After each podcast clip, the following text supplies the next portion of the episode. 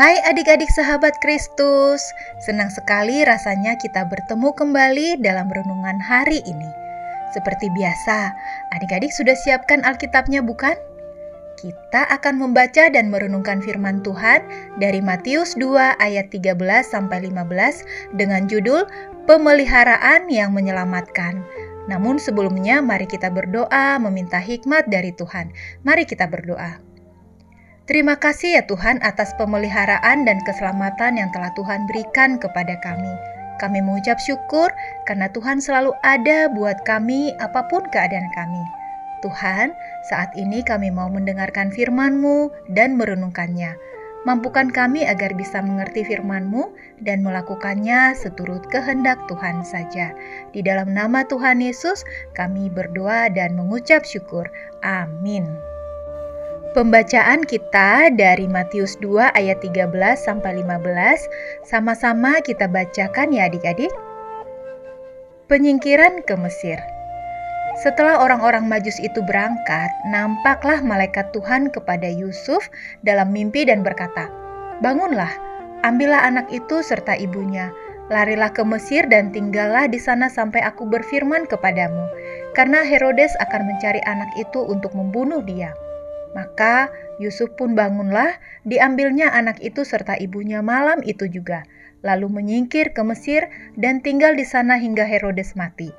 Hal itu terjadi supaya genaplah yang difirmankan Tuhan oleh Nabi, dari Mesir kupanggil anakku. Demikianlah pembacaan Alkitab.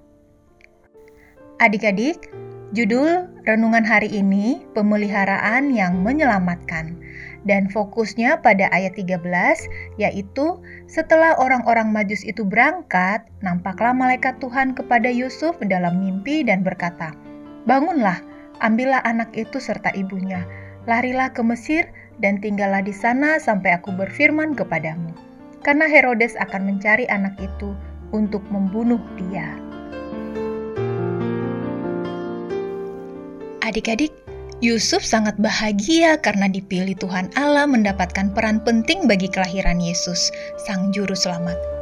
Yusuf dan Maria sangat menikmati hari-hari penuh rahmat itu tanpa sedikit pun ada rasa takut atau khawatir akan adanya bahaya kepada Yesus dan keluarganya. Padahal sebenarnya Herodes juga tengah merencanakan sebuah kejahatan besar yang membahayakan Yesus Sang Juru Selamat. Tetapi adik-adik, Tuhan berbicara kepada Yusuf melalui mimpi. Tuhan mengingatkan Yusuf agar menyingkir ke Mesir sampai Tuhan Allah berfirman kembali kepadanya saat tidak ada lagi bahaya yang mengancam keselamatan Yesus. Yusuf taat akan peringatan Tuhan melalui mimpinya, dan Yusuf segera menyingkir ke Mesir beserta Maria dan Yesus. Yesus selamat dari rencana jahat Herodes.